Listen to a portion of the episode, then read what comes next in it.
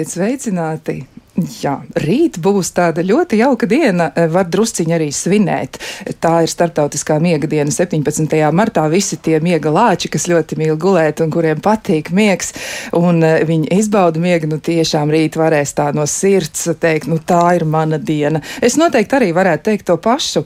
Un eh, jā, par miegu šodien vairāk par miegu runāsim, un nu jā, tā mēs arī te mēģināsim to kopā izdarīt. Studijā šoreiz ir Kristiāna Lapiņa, redzījuma producenti kā Alaža Loreta Bērziņa, bet pie skaņpulca Iveta Zvejniece. Nu, būtu labs jautājums, kā tad mums katrai ir gājis ar to miegu. Mēģināsim arī izpētīt sīkāk, kas un kā, un uzreiz arī pieteikšu viesus. Un viesi ir pie mums ir studijā Una Purviņa, kur ir miega speciālists un arī pēdiatrs. Sveicināti! Labrīt! Un vēl esam aicinājuši arī e, sarunā piedalīties medicīnas doktori, ārsti, psihiatri un arī nu, speciālisti, kas ir nu, ļoti, ļoti orientēts uz bezmiega ārstēšanu, un tā ir Natālija Bērziņa. Sveicināti! Labrīt! Nu, lūk, bet es sākšu ar. Um, Kāda pētījuma, kas ir jau nu, tāds eh, pirms, pirms dažiem gadiem veikts, un ir tā, ka eh, Science Advances publicēts eh, pētījums savu laiku ir nu, devis mums ziņu par to, ka Nīderlandieši pavada gultā stundu ilgāk par Singapūras vai Japānas iedzīvotājiem. Sievietes parasti guļ ilgāk kā vīrieši, bet vismazāk guļ vīrieši vidējā vecumā. Un eh, zinātnieki domā, ka tā varētu tikt galā ar tā saucamo globālo miega krīzi. Eh, un, eh, nu, jāsaka tā gan, ka šis pētījums, šie dati ir bijuši eh, nu, pieejami, bija pareizi sakot, tos varēja savākt, izveidoja tādu īpašu mm, pielikumu telefonam, ir tāda aplikācija, un tad varēja savākt šos datus. Un eh, ir noskaidrots, ka Singapūrā un Japānā cilvēki guļ vidēji 7 stundas un 24 minūtes, Nīderlandē 8 stundas un 12 minūtes, Francijā 8 stundas, un tad trāpījuši, ja tā gandrīz vai precīzi, un eh, Lielbritānijā mazliet mazāk par 8 stundām. Un, kas ir ļoti interesants aspekts, par ko mēs arī šodien droši vien kaut kādā nozīmē arī mm, runāsim, ir tas, ka zinātnieki ir noskaidrojuši, ka galvenais, kas nosaka miega ilgumu, ir gulētiešanas laiks, kurš ir pieņemts katrā valstī. Ja, nu, tas varētu būt vairāk saistīts ar to dzīves ritmu, un izrādās, ka jo vēlāk kādā valstī pieņemts iet gulēt, jo mazāk cilvēku naktī guļ. Nu, tādas interesantas lietas, bet eh, nu, tiešām jāsaka tā, ka miegs ir ļoti, ļoti svarīgs. Vēl ir arī noskaidrots tas, ka sievietes īpaši vecumā no 30 līdz 60 gadiem vidē guļ par pusstundu ilgāk nekā vīrieši. Es jau to zināju, es jau to nojautu, ka tā būs. Bet cilvēki, kuri e, lielāko dienas daļu pavada dabiskajā dienas gaismā, lielākoties iet gulēt agrāk. Nu, tur ir vēl daudz interesantas lietas, par to mēs arī šodien vairāk parunāsim.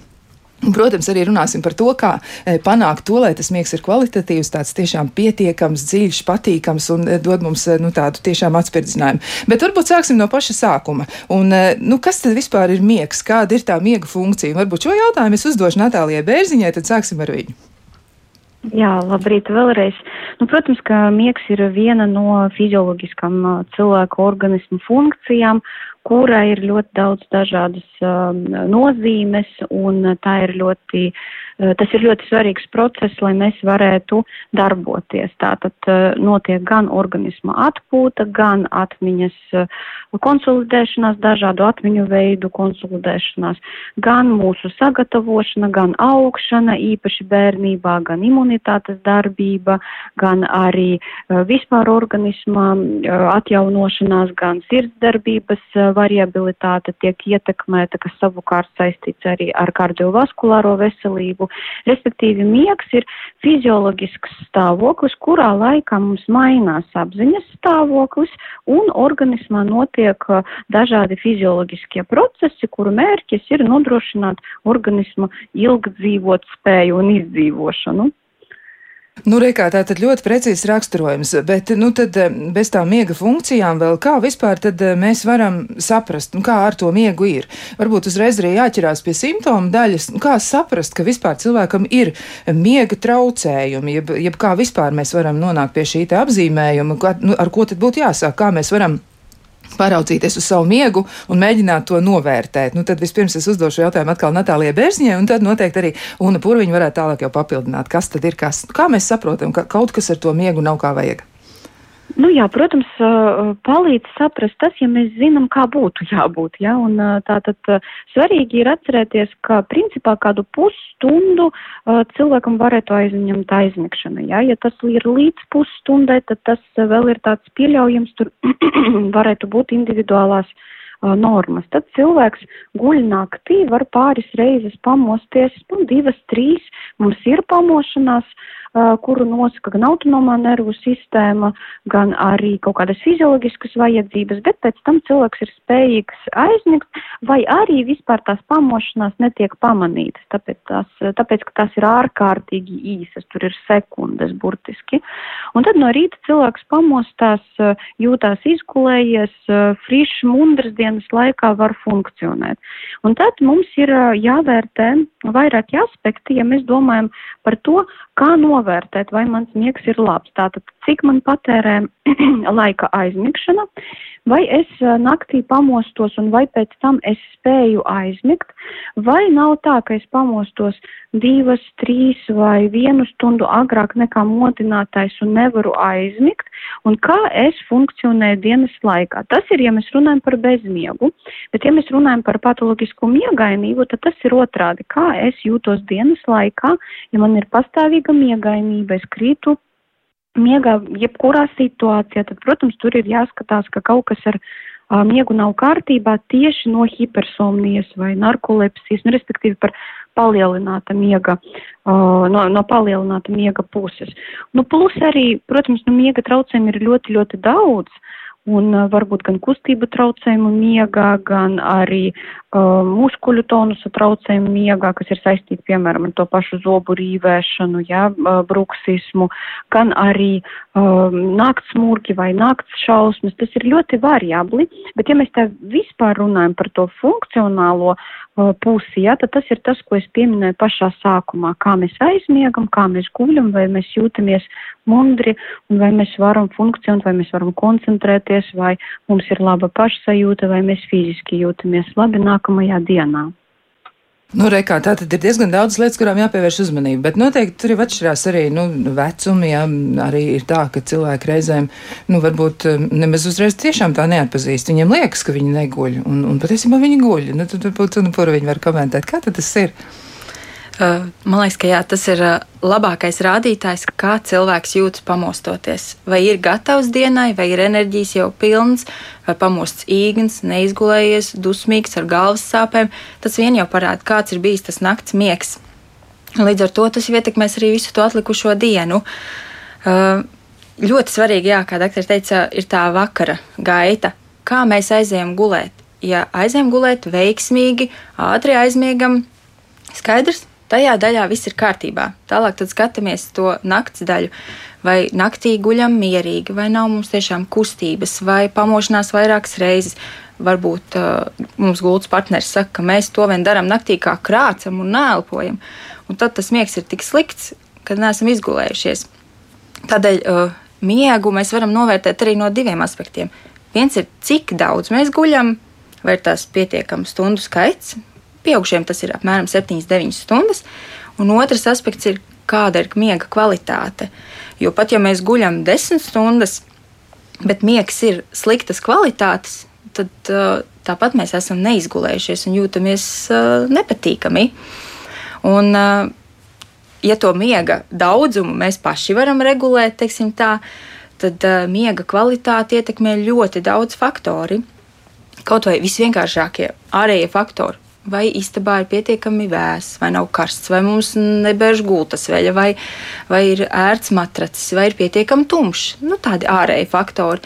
Un tad vēl ļoti daudz ietekmē dažādas saslimšanas. Tas pats bezmiegs, kā doktori teica, krāpšana, jeb obstruktīva miega apnoja. Vai mums naktī nav pastiprinātas kustības, kas sašķeļ miegu, uh, it kā stundas ir gulēts pietiekami daudz, bet miegs ir tik ļoti sašķelts, ka nav kvalitatīvs. Un tur ir tik daudz dažādu faktoru, kas to ietekmē. Bet pirmais, man liekas, cilvēkam uz sevi paskatīties, kā es jūtos no rīta un kā es spēju funkcionēt dienas laikā. Nu, Tātad tas varētu būt tas eh, labais, eh, labais mm, kritērijs. Bet, eh, nu, ja, piemēram, cilvēks ir pavisam mazs, kā tad to noteikt? Jo, nu, tur labi vecāki skatās uz gultiņu un saprot, ka tas mazulīts guļ, bet var gadīties arī tā, ka viņam nepietiek nu, tā miega. Un kas, kas notiek vispār patiesībā ar to jaunāko paudzes daļu? Kaut arī mums nav varbūt tā ļoti tas fokus šoreiz tieši uz kaut kādu noteiktu vecumu grupu, bet tas varētu būt interesanti, jo arī par pētījumu runā runājot, ja galvenais, ko mm, nu, vēsta šis pētījums, un to saka Akilēs Redīs no Kembridžas Universitātes, viņš ir profesors, viņš ir komentējis arī šo pētījumu un pētījumu datus, un viņš saka tā, ka galvenais secinājums ir tāds, ka bioloģiskais pulkstenis mūsu programmai noteikti funkciju veikšanai, kuras mēs nespējam izpildīt, jo ievērojam sociālās normas. Un viņš arī ir aizies par to, kā tas mūs ietekmē ilgtermiņā, jo, nu, ar bērniem nav tik vienkārši, ja viņiem būtu jāiet laicīgi gulēt, un pēc tam viņiem būtu jāceļas, jo viņi arī ir tomēr pakļauti, nu, tieši šai te, e, nu, sabiedriskajai sociālajai dzīvei, un, un, un tās e, Septiņas vai deviņas stundas, man liekas, ka tas arī ir kaut kas tāds, kas, nu, par ko mēs joprojām varam šaubīties, jo ja cilvēki citās kultūrās gan jau ka ir pakļauti citiem nosacījumiem, un tur nestrādā šīs te astoņas stundas darba, astoņas stundas brīva laika, vēl kaut kā. Nu, varbūt un kur viņi varētu šo komentēt. Kā tas ir? Nu, kā mēs varam noteikt par cilvēku, kurš ir jaunāks par mums, vai viņš guļ pietiekami? Tieši tas pats rādītājs būs, kā bērniņš jūtas no rīta pamostoties. Jo bērnam iegu tomēr ietekmē vecāki vecāki ir tie, kas noteiks, cikos bērns iet gulēt. Un sākot jau no maza vecuma, protams, mēs nerunājam par jaundzimušiem zīdēnīšiem, kur uh, tas miedziņš ir daudz, un tad mēs sākotnēji pakļaujamies bērniņa barošanas un gulēšanas režīmam. Bet jo lielāks aug bērniņš, jo vairāk to nosaka vecāki.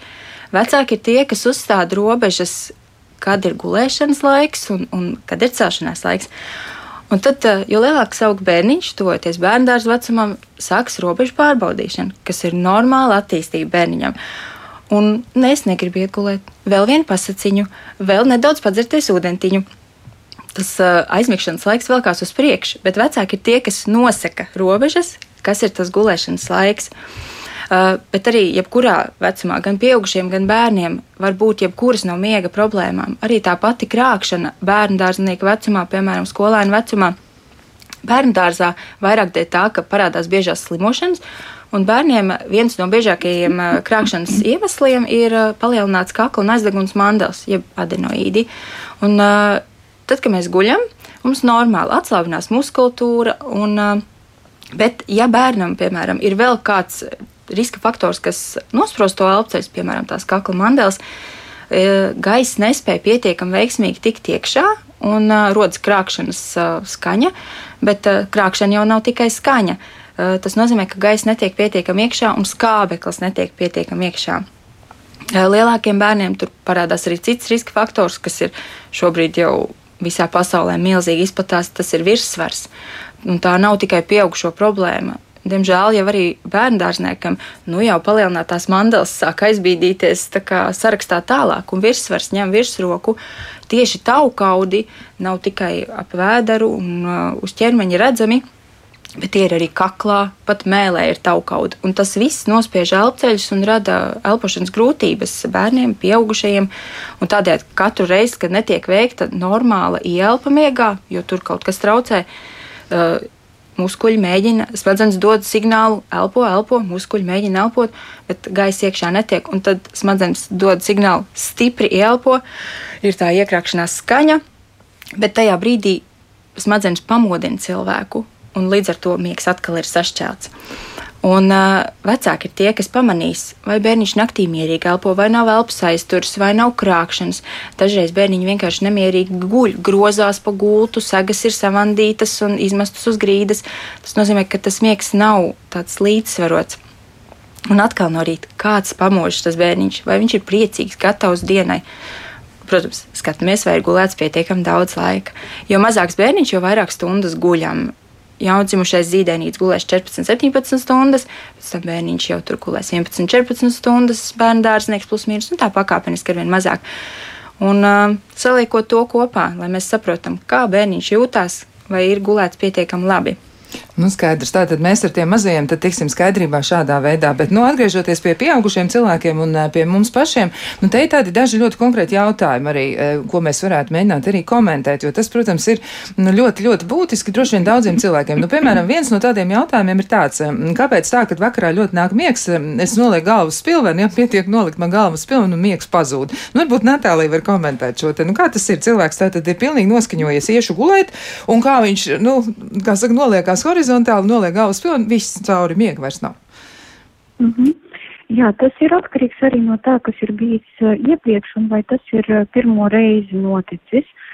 ja tas tā ir bijis pirms kāda laika, kādu ilgāku laiku, kad cilvēks pavadīja laiku gultā, neguļot, piemēram, uzturoties gultā, bet neguļot, kaut ko darot paralēli, varbūt kaut kur skrolojot Facebooku vai skatoties filmas gultā vai lasot, viņu smadzenēs varētu veidoties samērā cieša asociācija, ka gulta vairs neasociējas ar miegu. Un tāpēc, nedarot tās aktivitātes un noliekoties gultā, tad iespējams tas varētu būt par iemeslu, kāpēc cilvēkam pazūd šī miegainība, ja, jo nostrādā šī smadzeņu asociācija. Otrs, protams, ir daudz faktori, kas to ietekmē. Tas varētu būt saistīts ar to, kā ir pagājusi diena, ko cilvēks ir domājis, kā, kā viņš jūties, vai nebija gadījumā viņam kāda stresēna situācijas, vai viņš par kaut ko nedomāja, ja, kas varētu ietekmēt to, nu, ka viņš noliekoties gultā neaizmieg. Kā arī to nosaka, kā mēs gatavojamies miegam, kāda ir rutīna, vai, vai mēs to rutīnu esam izveidojuši, lai atkal veidotos pareizā asociācija, jo uh, tas ir tiešām ļoti interesanti. Cilvēkiem diezgan negribas tajā ticēt, bet tas ir zinātniski pamatots uh, um, medicīnā, ka uh, viens no uh, mehānismiem, kas ir iesaistīts, piemēram, bezmiegā, tajā skaitā, ja cilvēks iet gultā, var aizmigt, viņam pazūd miegs, uh, tad tā ir asociācija, kura veidojas, ja, gandrīz vai kā nosacījuma refleks. Un to ietekmē tas, ko mēs darām. Pirms uh, mums ir kaut kāda miega traucējuma, mēs visi šādi tad vai nu lasam gultā, vai nu mācamies gultā, vai dienas laikā uzturamies gultā. Un šī ir tā asociācija, kas veidojās. Un nemanot, tā iezogās ikdienas dzīvē un sāk ietekmēt cilvēka miegu. Pēc tam var notikt kaut kas tāds, kas uh, tāds negaidīts, vai tur vairāk stresa, smagāka aerobā slodze īsi pirms miega, treknāks ēdiens vai nu, izjaukta rutīna. Un tad šie faktori kopā saslēdzās un varētu veidot arī tādu stāvokli, ka cilvēks apkuļās un pēkšņi acis ir vaļā, gulēt negribu, un tad, tad sākās dažādas domas par miegu un negatīvas fantāzijas, kas savukārt tikai pastiprina to situāciju tālāk. Nu, rekā, man liekas, arī tas grūtais mirklis ir tas, ka cilvēki domā, man noteikti ir jāguļ, man noteikti ir jāguļ, man nākamajā dienā jābūt tādam ļoti, ļoti kā gurķītim svaigam, ja man ir jāguļ, es nedrīkst negulēt. Tas varētu izjaukt visu to, to, to sajūtu, vai ne, Natālija, tāds šķir? Jā, absolūti noteikti, jā, šis te, šis te spiediens uz sevi, ka man obligāti ir jāguļ, plus negatīvi scenāriji par nākamo dienu, rada satraukumu. Tas aktivē galvas smadzenes galvas smadzenes, ja, ja tās ir aktīvas, viņas nevar ieslēgt uh, procesus, kas saistīti ar miega veicināšanu, vai nevar ieslēgt tos tik ātri vai tik veiksmīgi kā parasti. Un tad uh, kortizoli un stress ņem virsroku, un cilvēks nevar aizmigt, un tas savukārt vēl vairāk palielina tās domas. Un tā cilvēks tādā aburtā lokā tur guļ, un baidās no nākamās dienas, bet mēs nevaram sevi piespiest aizmigt, uh, nu, tā kā ar, nu, teiksim tā, domu spēku, jo tas ir fiziologisks process. Man ļoti patīk viens salīdzinājums uh, grāmatās par bezmiegu, un arī zinātnieki to pielieto, ka miegs ir kā okeāna vilnis, un mēs varam kā surfotāji būt noteiktā laikā, noteiktā stāvoklī uh, klāt, tad, kad nāks tas vilnis, bet mēs nevaram piespiest okeānu to vilni tagad pēc gribēšanas mums dabūt, lai mēs varētu surfot, ja? Nu, tas ir tāds, nu, manuprāt, ļoti smuks skaidrojums tam, ka mēs nevaram iekāpt gultā, apsekties un gulēt un domāt, viss, tagad es aizmigšu, tagad es aizmigšu. Tas strādā pretēji īstenībā.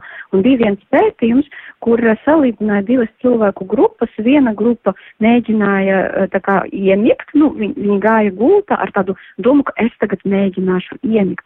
Bet cita grupa mēģināja neiemigt. Un kā jūs domājat, kuriem uh, no viņiem bija labāks un ātrāks miegs? tiem, kuri mēģināja neiemigt. Un tur bija tāda ļoti interesanta pretēja reakcija. Es nesaku, ka tā ir jādara, protams, tur ir savi mehānismi, kā mēs ar bezmiegu strādājam, bet vienkārši tā idejiski par to, ka mēs nu, nevaram tā ar domu spēku sevi piespiest gulēt. Nu, tā tiešām laikam arī būs. Nu, nu re, kā, tā tad to mēs arī ņemam. Nu, varbūt eh, mēs varam to izmantot kādreiz. Ja, nu, tā kā ir ļoti, ļoti skaidrs, liekas, nu, ka nākamā diena tāda grūta būs. Es negulēšu, negulēšu, negulēšu, un tad tomēr aizmieg cilvēks. Bet, eh, nu, ir arī tādi konkrēti jautājumi, piemēram, par miega ilgumu, un tad es eh, lūkšu Unu Purviņu komentēt šos te jautājumus. Nu, tā tad, patiesībā viens no tādiem konstatējumiem drīzāk, ja viena no klausītājiem raksta, ka viņa jūtas izgulējusies, ja guļ 9 stundas, pa brīvdienām viņa guļ 10 stundas, un aizmigšana viņai aizņem apmēram, nu, nu pusstundai līdz stundai, ja, un viņi iet gulēt apmēram ap 22. Ja, nu, tad tas ir tā pati diena, ja tas arī laikam ir šis labais ieteikums, ej gulēt tajā pašā dienā, kurā es pamodies. Un otrs jautājums, ja tā tad vai arī tāds, mm, nu, arī stāsts par sevi, vienam no klausītājiem viņš saka, ka viņam pietiek ar 4-5 stundām miega, un viņš jūtas izgulējies, un viņa jautājums ir, vai jāuztrauc, ka guļ par maz, ja, nu, tad atkal, kā tad mēs varam precizēt, un varbūt izstāstīt, nu, kā tur ir. 4-5 stundas, nu, man noteikti nepietik, man vajag, nu, man gandrīz trīsreiz vairāk vajag, man tā liekas. um, par to pirmo jautājumu, Jā. kur sieviete teica, ka iet gulēt ap desmitiem, un uh, ļoti labs uh, režīms, es teiktu, iet gulēt plus mīnus vienā tajā pašā laikā. Uh, darba dienās un brīvdienās nevajadzētu atšķirties par stundu. Plus, mīnus tā ir stunda atšķirība. Lai nav tā, ka darba dienās guļam maz, un tagad brīvdienās nu tik mēs izgulēsimies un atdosim miega parādu. Tas nestrādā tā organismam, smadzenēm tas ir pilnīgs apjukums. Kā tagad mēs guļē, guļam tā un tagad šā, kas notiek, šādi, kas tas ir? Brīnišķīgs, man liekas, režīms. Ap desmitiem ejam gulēt, pusstunda, stundiņa. Parasti, jā, pusstundiņa ir tas vēlamais aizmigšanas laiks. Pieceļamies no rīta vai brīvdienās par stundiņu vēlāk. Ideāls režīms. Un, ja cilvēks vēl jūtas izgulējies, brīnišķīgi. Otrā variantā, kur cilvēks guļ 4-5 stundas, ja dienas laikā no, ja no rīta cilvēks pamostas priecīgs, gatavs dienai un viss ir kārtībā, pa dienu nav jādzer piecas kafijas krūzītes, lai noturētu acis vaļā, bet uh, ar domu, man viss ir kārtībā. Ja tiešām pamostas labi, jūtas enerģisks, gatavs dienai, pa dienu var strādāt, var funkcionēt, un uh, nav tā, ka vakarā jau ir jāiet pagulēt diendusiņa piecos. Un aizmieg jau septiņos, tad, tad viss ir kārtībā. Un, ja naktī miegs ir labs, uh, ja cilvēkam tas netraucē, teorētiski stundas ir pamaz, bet uh, ja cilvēks jūtas labi, tas ir labākais rādītājs. Ar noteikumu, ka dienas laikā netiek dzīvots uz stimulantiem - kafija, kola, enerģijas dzēriens un tam līdzīgi. Tad tas nozīmē, ka tie papildus visi tie instrumenti, ja tie tur nav, jā, tad mēs varam pieņemt, ka ir labi, bet ja cilvēks tomēr kaut kā mēģina to ietekmēt, tad būtu vērts droši vien to sīkāk izpētīt. Nu, vēl viens jautājums arī ir tāds, um, nu, tieši par to, ko pieminēja dr. Purviņa, jā, par. Um, Miega, miega problēmām, kas varētu rasties, nu, pastarpināt sākoties ar kaut ko citu, jā, piemēram, ar elpošanas grūtībām. Un te ir arī klausītājiem jautājums, vai deguna starpsiena, ja tā ir nepareizi izliekta, var radīt krākšanu, pasliktināt skābekļu piekļuvi un arī pasliktināt miega kvalitāti. Nu, visticamāk, droši vien, ka jau ka jā. Jā, jā tā arī ir. Tas noteikti arī var, uh, jebkura tāda uh, gaisa plūsmas traucējumi var radīt uh, elpošanas traucējumus miegā. Un jāskatās, ir, kā cilvēks naktī guļ, kā no rīta pamostās. Uh, pajautāt uh, mājniekiem, vai es naktī nekrācu, vai jums uh, nešķiet, ka es dažreiz nēlpoju, vai gultas partnerim pajautāt, kā es naktī guļu. Jo Ja cilvēkam ir šaubas par savu veselību un liekas, ka tur tā deguna starpsiena ir izlocīta un es nejūtos īsti labi, tad labāk aiziet pie miega speciālista un var uztaisīt izmeklējumu un skatīties, ir vai nav problēma. Nu, Reikā, par tiem izmeklējumiem runājot, nu, ir arī tādas ierīces, kuras mēs jau izmantojam ikdienā diezgan bieži, un man liekas, ļoti daudziem cilvēkiem šobrīd jau ir vietpulksteņi, un tādi ir arī mūsu klausītājiem, un rekur viņiem ir jautājums, vai vietpulksteņu rādījumiem par miega ilgumu un dziļumu var ticēt, ja, un kā tad tos iztulkot? Nu, varbūt šis jautājums būs tad Unai Purviņai, un, ja Natālijai būs ko piebilst, noteikti tad arī aicināsim viņu kaut ko vēl teikt. Nu, tad, Una, kā būs? Par to precizēt, precizitāti tomēr Jā. nebūs tā ļoti pareizi, jo vietpulkstenī. Uh, tas vietpulksteņa princips darbosies uz to, ka, ja cilvēks guļ mierīgi, viņam sirdsdarbība ir lēnāka, elpošana lēnāka, kustības nav, tā tad domā, tiek reģistrēts kā miegs. Bet tajā laikā cilvēks guļ gultā un, piemēram, domā, kā es gleznošu pie jūras. Viņš domā mierīgas, skaistas lietas, sirdsdarbība ir mierīga, viņš guļ mierīgi, un vietpulkstenis reģistrē kā miega, bet patiesībā tajā laikā miega nemaz nav. Uh, un, ja arī reģistrē, piemēram, 8 stundas miega, bet tā miega kvalitāte ir bijusi slikta, nu, vietpulkstenis nedos to pilno skatu uz to lietu. Var dot ieskatu, jā, es esmu gulējis 3 stundas, to, tomēr, jo um, trīsreiz gāju uz toleti, četras vēl grozījos pa gultu un kārtoju segu, vietpūkstens būs fiksējis kustības, sirdsdarbību pātrināto un tam līdzīgi, un parādīs apmēram to laiku, kas ir gulēts. Bet, lai noteiktu, vai ir kvalitatīvs miegs bijis un pilnvērtīgs, vietpūkstens nevar to tīri izdarīt, jo, lai to mēs izdarītu, mums ir vajadzīgs reģistrēt smadzeņu darbību miegā. Jā, nu tā tad tas nebūs tik viegli. Varbūt Natālija arī ir ko piebilst par šo te visu.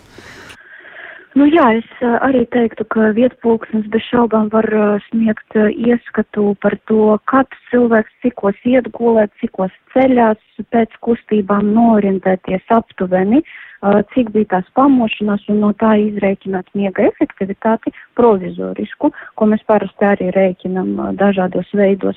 Bet teikt precīzi par dziļo miega fāzi, nu, tur ir grūtāk.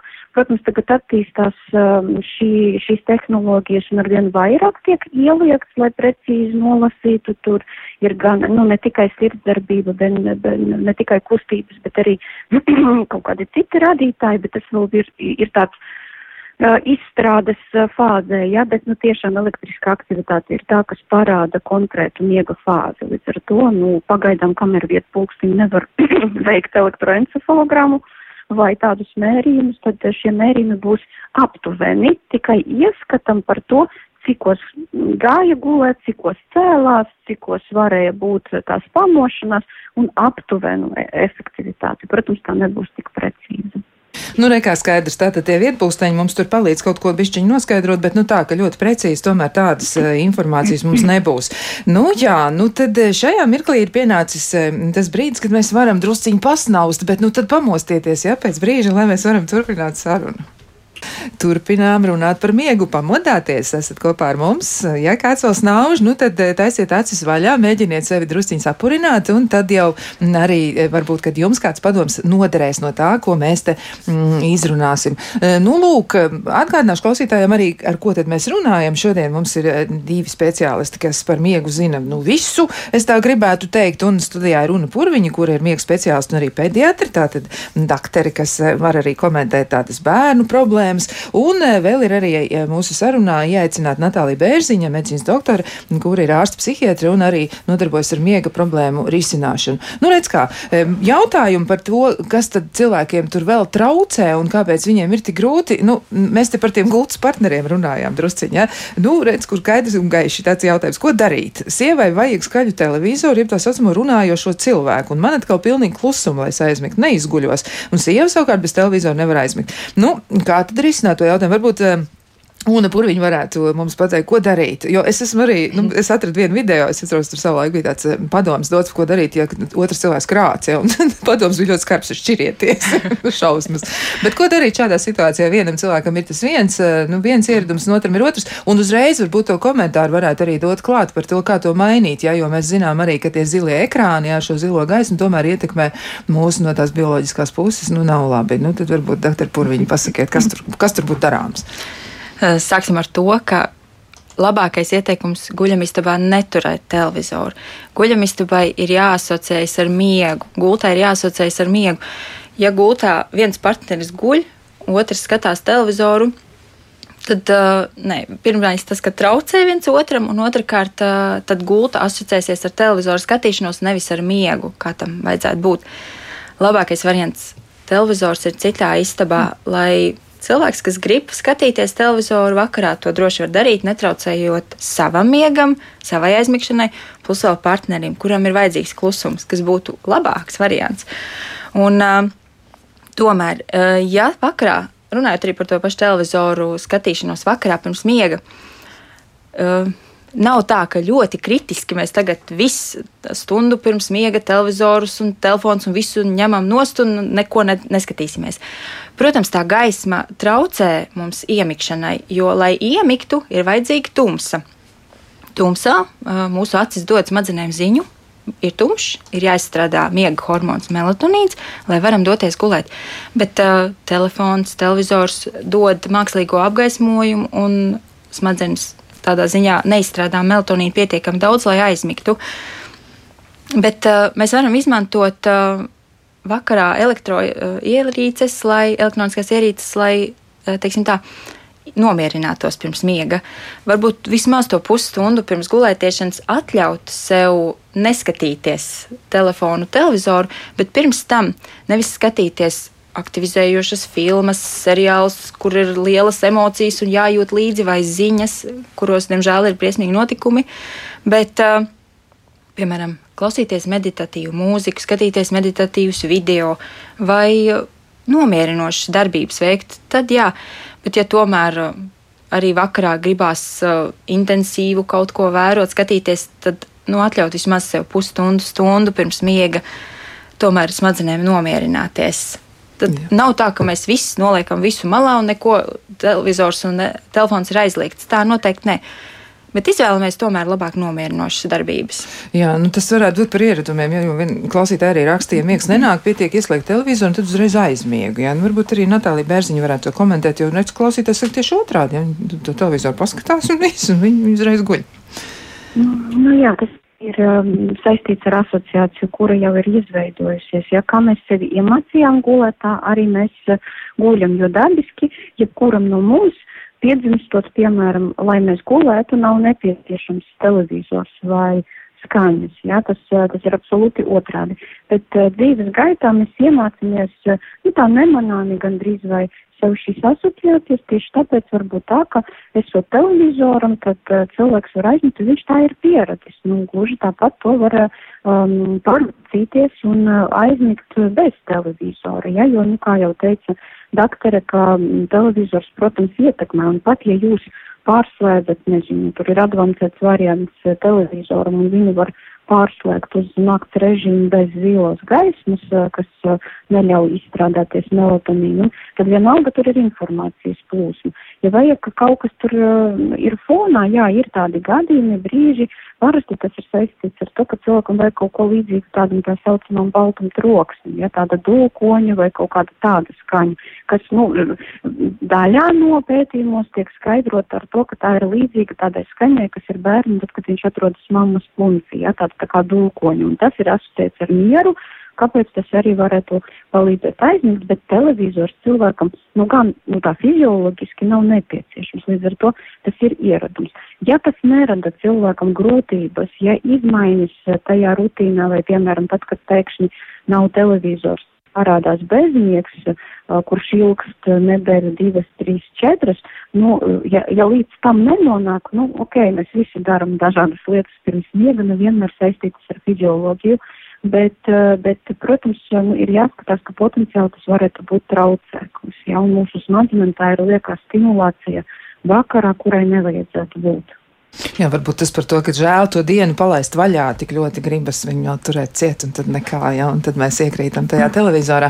Nu, vēl arī tādi ļoti konkrēti jautājumi, nu, kā, piemēram, smēķēšanas atmešana ietekmē miega kvalitāti, kad tad miegs normalizēs, nu, kāds cilvēks to ir izdarījis, mēs to, nu, ļoti, ļoti varam pozitīvi novērtēt, varam apsveikt viņu, to, ka viņš tiešām to ir spējis darīt, un, un tas ir lieliski, jā, bet kā tad smēķēšanas atmešana ietekmē miegu, kad varētu gaidīt tādu labāku rezultātu? Nu, bet doktori Purviņi varētu kaut ko teikt par šo. Tur man liekas, ir jādomā par to, cik lielu trauksmi šī smēķēšanas atmešana cilvēkam rada. Jo, ja cilvēks atmetot jūtas brīnišķīgi, nejūt tieksmi pēc smēķēšanas, tad jau arī tam miegam nevajadzētu būt traucētam dēļ smēķēšanas. Bet, ja tomēr tā trauksme ir un to smēķēšanu prasās un nespēja pat uh, nedomāt par to, protams, ka tas miegs būs ietekmēts. Nav runa par smēķēšanu, ir runa par to vēlmi, to trauksmi, ko rada nesmēķēšana. Jebkurā gadījumā smēķēšanas atmešana ir labākais, ko cilvēks var izdarīt savas veselības labā. Bet uh, tur ir jāstrādā arī ar to, ne tikai es esmu atmetis un viss, bet uh, ko tas rada, kādas sajūtas tas rada, vai tas nerada trauksmi. Un, ja ir tā trauksme, tad ar to ir jāstrādā, un tad miegs sakārtosies. Tad miegs būs atkal klāt. Nu, vēl eh, jautājums arī eh, šajā gadījumā, tad es to pārdresēšu atkal savukārt doktorai Bērziņai. Um, Tātad miega zāles lieto jau 20 gadus, vai ir iespēja atradināties? Bija pie ārsta psihiatra un teica, ka, ja tik ilgus gadus ir lietots, nu, tad arī jālieto uz priekšu. Nu, kā tad tur ir tā miega zālēm? Varbūt tomēr var nokāpt no viņām nost.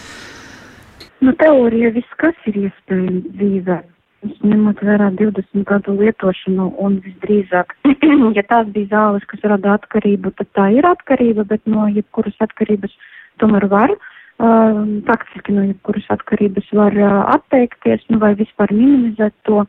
Un, uh, nu, runājot par miega zālēm, teorijā tas ir iespējams. Tur ir, ir daudz dažādi faktori, kas to ietekmē, paša cilvēka gatavība, viņa, uh, piemēram, atbildes reakcija, viņa psihiskā atbildes reakcija uz kognitīvu behaviorālo terapiju, vai tā varēs nostrādāt vai nē, ko pielieto bezmiega ārstēšanai, nemedikamentozē kā zelta standartu. Ja, bet nu, tur arī efektivitāte ir ap 80%, tā kā vienmēr ir kaut kāda cilvēku daļa, kas uz to nenorēģē. Uh, bet samazināt to var, režīmu sakārtot var, uh, un arī nu, ļoti pie tā piedomāt arī var. Nu, varbūt cits jautājums ir par to, ka tas ir ilgstoši cilvēka, mm, teiksim tā, pacietību patērējoši un ne visi speciālisti nodarbojas ar kognitīvu behaviorālo terapiju bezmiegu. Līdz ar to viņi varbūt nu, šo situāciju saskata no citas puses. Bet um, KBT pat, ja tā nav efektīva, tā vienalga varēs sniegt cilvēkam uh, labu rezultātu, dot, uh, piedošanu, labu rezultātu, kaut vai samazinot to zāļu daudzumu. Pat varbūt, ja pat neatteikties, bet samazināt. Un, protams, nu ir jāskatās, kāds ir, uh, kā, kāda ir pamata problēma. Ja tas ir primārs bezmiegs mm, un, un tur nav nekāda fiziska saslimšana vai psihiska saslimšana, kas ar to ir saistīta, tas ir pavisam cits stāsts, un tur tiešām ir ļoti liela iespēja, ka izdosies, ja tomēr cilvēkam ir kāda fiziska, somatiska saslimšana vai psihiska saslimšana fonā, vai kuras dēļ attīstījās miega traucējumi, tad, protams, nu, risinot pamata problēmu, var mazināt miega traucējumus un tikai nodarbojoties ar režīmu vai KBT pilnīgi nevarēs tikt galā ar kādu tur somatisku uh, saslimšanu nu, vai fizisku kaiti. Ja, tas ir atkarīgs no ļoti daudziem uh, nosacījumiem, vai tas būs iespējams vai nē, bet uh, es pieļauju, ka ir iespēja vienmēr mēģināt, un tad jau varēs redzēt, jo kā mēs bieži sakam cilvēkiem, kas nāk uz KBT un neguļ, un tad viņi uh, drusku satraucās par to, ka viņam arī būs sava veida miega ierobežošana sākumā, tad mēs jau parasti jautājam, vai jūs kaut ko šobrīd zaudējat. Nu, tad cilvēks uh, var vienmēr mēģināt. Jā, noteikti. Nu, tad eh, skaidrs arī tas, ka jāizpēt ir tas fons, jo miega traucējums un miega problēmas jau var radīt arī daudz citas eh, dažādas eh, problēmas, kas vēl ir paralēli. Ja ir dažādi fiziski stāvokļi, slimības, ja noteikti tad pie miega speciālistu dodoties ir jāmēģina izpētīt viss, kas tur vēl varētu būt. Nu, klausītāji arī atzīmē, ka urbānā vide noteikti ir tā, kas izposta miegu, ja, jo, ja cilvēks dzīvo pilsētā, sevišķi tur ir lidosta, nu, savulaik arī lidostas, nu, tā īpaši daudz neteica, kur tad kāds nākamais skrejceļš ceļš ir pēc desmit gadiem plānots, un, un likās, ka katrs ceļa galā tur ir zelta pots. Jā, var pārdot zemes gabals, un, un cilvēki arī viņus sapirkās, sabūvēja mājas, un pēc tam, nu, rodas ļoti nopietnas problēmas, jo tiešām, ja lidmašīna lido pāri galvai regulāri, nu, ir kā ir ar to gulēšanu, jā, tad to miegu droši vien nevar īsti labi piedzīvot. Bet uh, vēl ir jautājums arī par, um, nu, tādu konkrētu stāvokli. Viena no klausītājiem raksta, ka piecus mēnešus, pirms pieciem mēnešiem viņi ir pārdzīvojusi, ah, nē, piecu mēnešu laikā viņi ir pārdzīvojusi vairākas operācijas pilnā Narkozē viņai nepieciešams ilgāks laiks naktsmieram nekā iepriekš, lai viņa justos izgulējusies. Viņi jautā, kāpēc tā ir, vai tās varētu būt sekas, ja no šī te, nu, tā kā piedzīvotā stāvokļa, ka viņa vairākas reizes bija pakļauta narkozes ietekmē. Nu, varbūt doktori Pūrviņu varētu komentēt. Nu, kā tas ir? Um, ir slimības, ir stāvokļi, jā, kad organismam ir nepieciešams vairāk uh, miega, tīri, lai atgūtos, organisms spētu atjaunot šūnas, atjaunot savas funkcijas. Un, ja cilvēkam īsā laikā ir bijušas vairākas operācijas, nopietnas veselības problēmas, tad tā var būt, kad ir nepieciešams arī ilgāks laiks, lai atjaunotos. Jo tieši miegs ir tas laiks, kurā mūsu organisms, mūsu šūnas atjaunojas, atjauno hormonālo sistēmu, imunitāti, viss tiek sakārtots. Tādēļ tā var būt, jā, kad miegam vajadzīgs vairāk laika.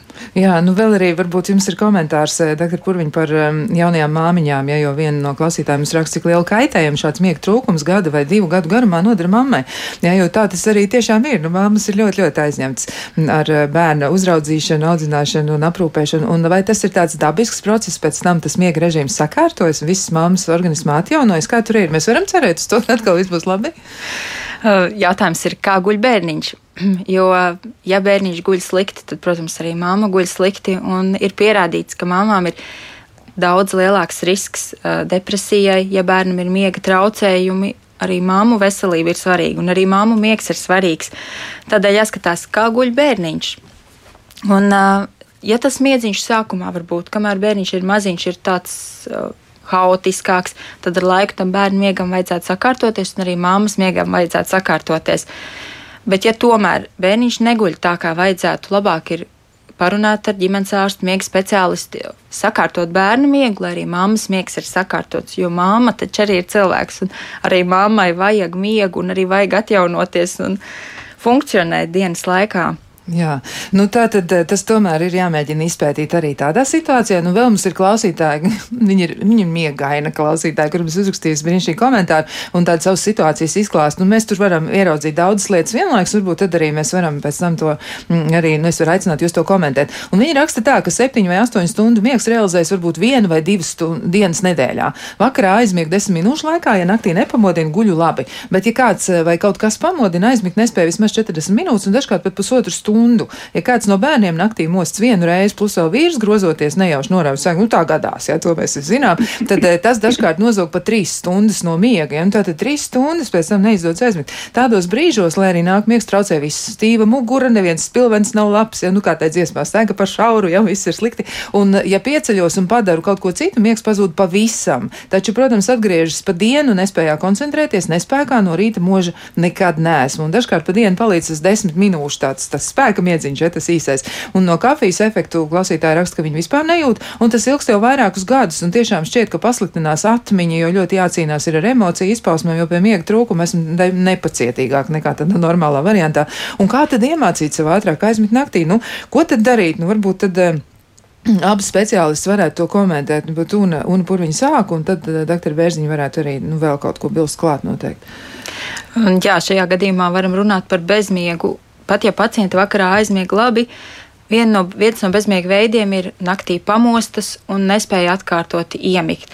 Un jāskatās, jā, kas ir tie traucējošie faktori. Ja vakarā netraucēja spilvens un sega un, un matracis, tad uh, naktī tomēr būs kaut kas cits, kas rada to trauksmi, to stresu un nespēju aizmigt tur ir jāatrod tomēr, kas ir tas, kas naktī uh, rada to nepatīkamo sajūtu, jo nav jau runa par to gultas veļu. Jā, nu rekā, varbūt Natālija Berzņē arī ir ko piebilst pie šīs situācijas, kā tad ir galā ar to, kas notiek?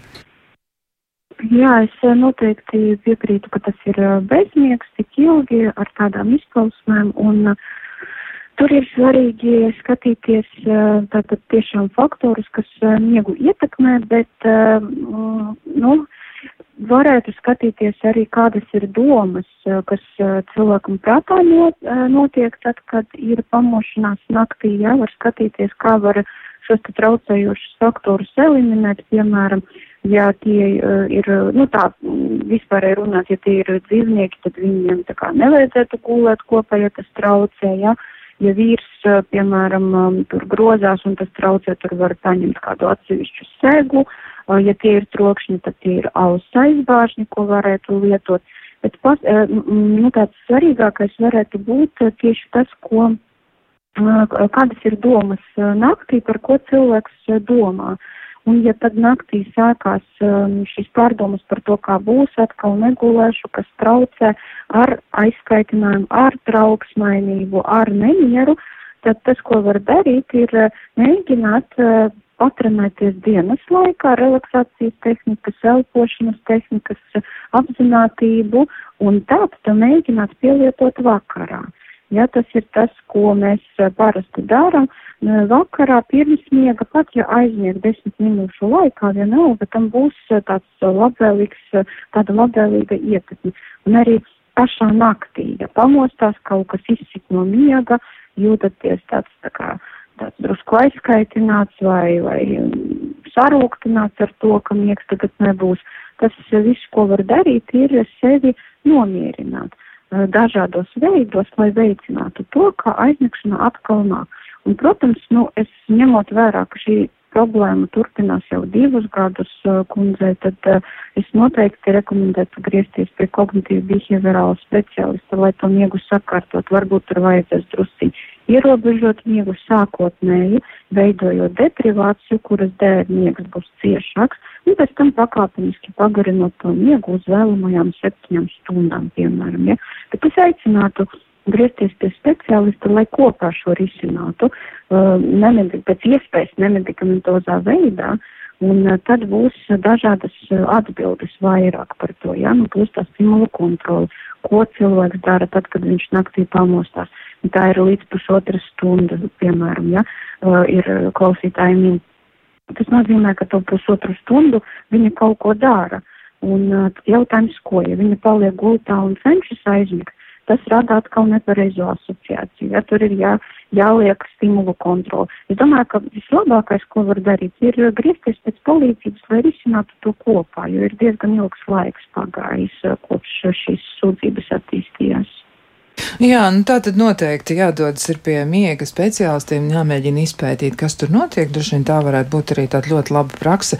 Un, eh, nu, tad mums burtiski ir eh, palicis eh, nu, laiks, mums šeit pusotra minūte, varbūt mēs varam atbildēt vēl uz vienu jautājumu. Mm, un jautājums ir tāds, ka man no miega bieži pamodina stipras galvasāpes, kuras pieceļoties pamazām pāriet. Kas tas ir? Viena no klausītājiem jautā, nu tad varbūt mēs varam jautāt doktorai Purviņai, lai viņi saka, kas tas varētu būt. Nu, tad, ko tur? Miegas, miega laikā galvas sāpes, teiksim, tā naktas laikā galvas sāpes, kas pamodina no miega, ir tomēr satraucoša pazīme. Un šī gadījumā noteikti ir jāaiziet cilvēkam pie neiroloģa un jāsaprot, kas rada tās galvas sāpes. Jo naktī galvas sāpēm nevajadzētu būt. Nu, tā ir nopietnas simptoms, kuram būtu jāpievērš uzmanība, būtu jāmēģina izpētīt, kas tas ir un, un ko tas nozīmē. Ne, nu, jā, tiešām pētījumi liecina daudz dažādas lietas, ja, un jūs jau arī minējāt, ir dažādi citi veselības riski, kas parādās. Un, tā kā noteikti, ja nu parādās tie miega traucējumi, lai kādi viņi būtu, nu, galvenais kriterijs, ko abas ārsts minēja, tātad, ja mēs jūtamies neizgulējušies, jūtamies tādi sanīkuši, noguruši, nu, tad mēģinām atrast atbildes uz visiem šiem jautājumiem.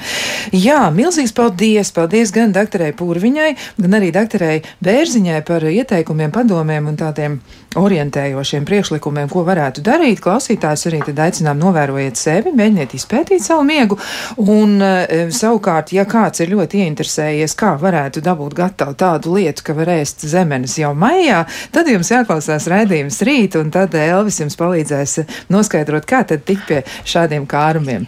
Ja?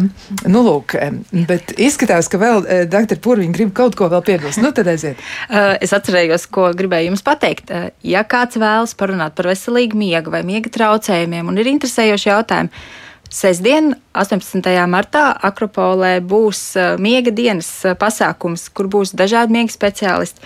Droši var nākt, jautāt, prasīt un palīdzēsim un mēģināsim izdomāt situācijām risinājumus. Labi, nu tad varbūt šo jautājumu arī var, kurš mums nu pat te ir nācis klāt, ja par to, kā tad ir ar to ļoti, ļoti samazināto niega daudzumu, nu 4-5 stundas, ja, kas varētu būt saistīts iespējams arī ar vairodziedzes darbību un citām lietām. Nu, iespējams, ka šos jautājumus un šo un arī citus eh, varēs uzdot. Tātad 18. martā Akropolē tiekamies eh, miega, miega pētīšanas pasākumā, nosauksim to tā. Nu, paldies vēlreiz abām dakterēm, paldies arī klausītājiem, ka iesaistījāties, piedalījāties un jautājāt, un lai jums tiešām visiem labs miegs, lai jums ir salds miegs un tiešām dod atpūtu un eh, labu izjūtu par sevi un labas sajūtas kopumā. Nu, tad tiekamies kādu citu reizi. Lai jums jauka diena! Atā!